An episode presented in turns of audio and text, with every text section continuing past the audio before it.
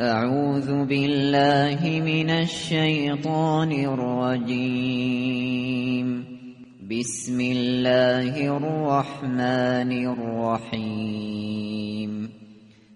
والسماء والطارق به نام خداوند بخشنده بخشایشگر سوگند به آسمان و کوبنده شب وما أدراك ما الطارق و تو چه میدانی کوبنده شب چیست النجم الثاقب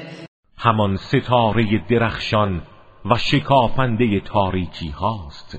إن كل نفس لما عليها حافظ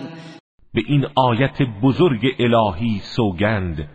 که هر کس مراقب و محافظی دارد فلينظر الإنسان مما خلق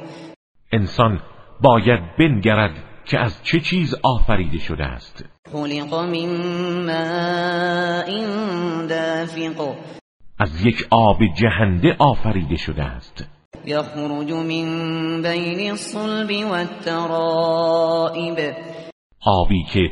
از میان پشت و سینه ها خارج می شود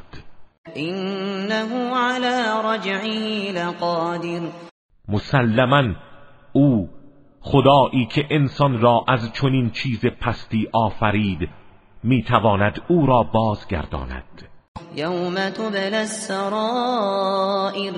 در آن روز که اسرار نهان انسان آشکار می شود فما له من قوة ولا ناصر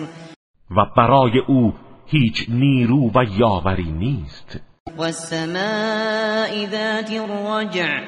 سوگند به آسمان پرباران والأرض ذات الصدع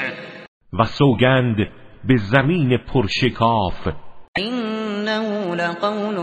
فصل که این قرآن سخنی است که حق را از باطل جدا می کند وما هو بالهزل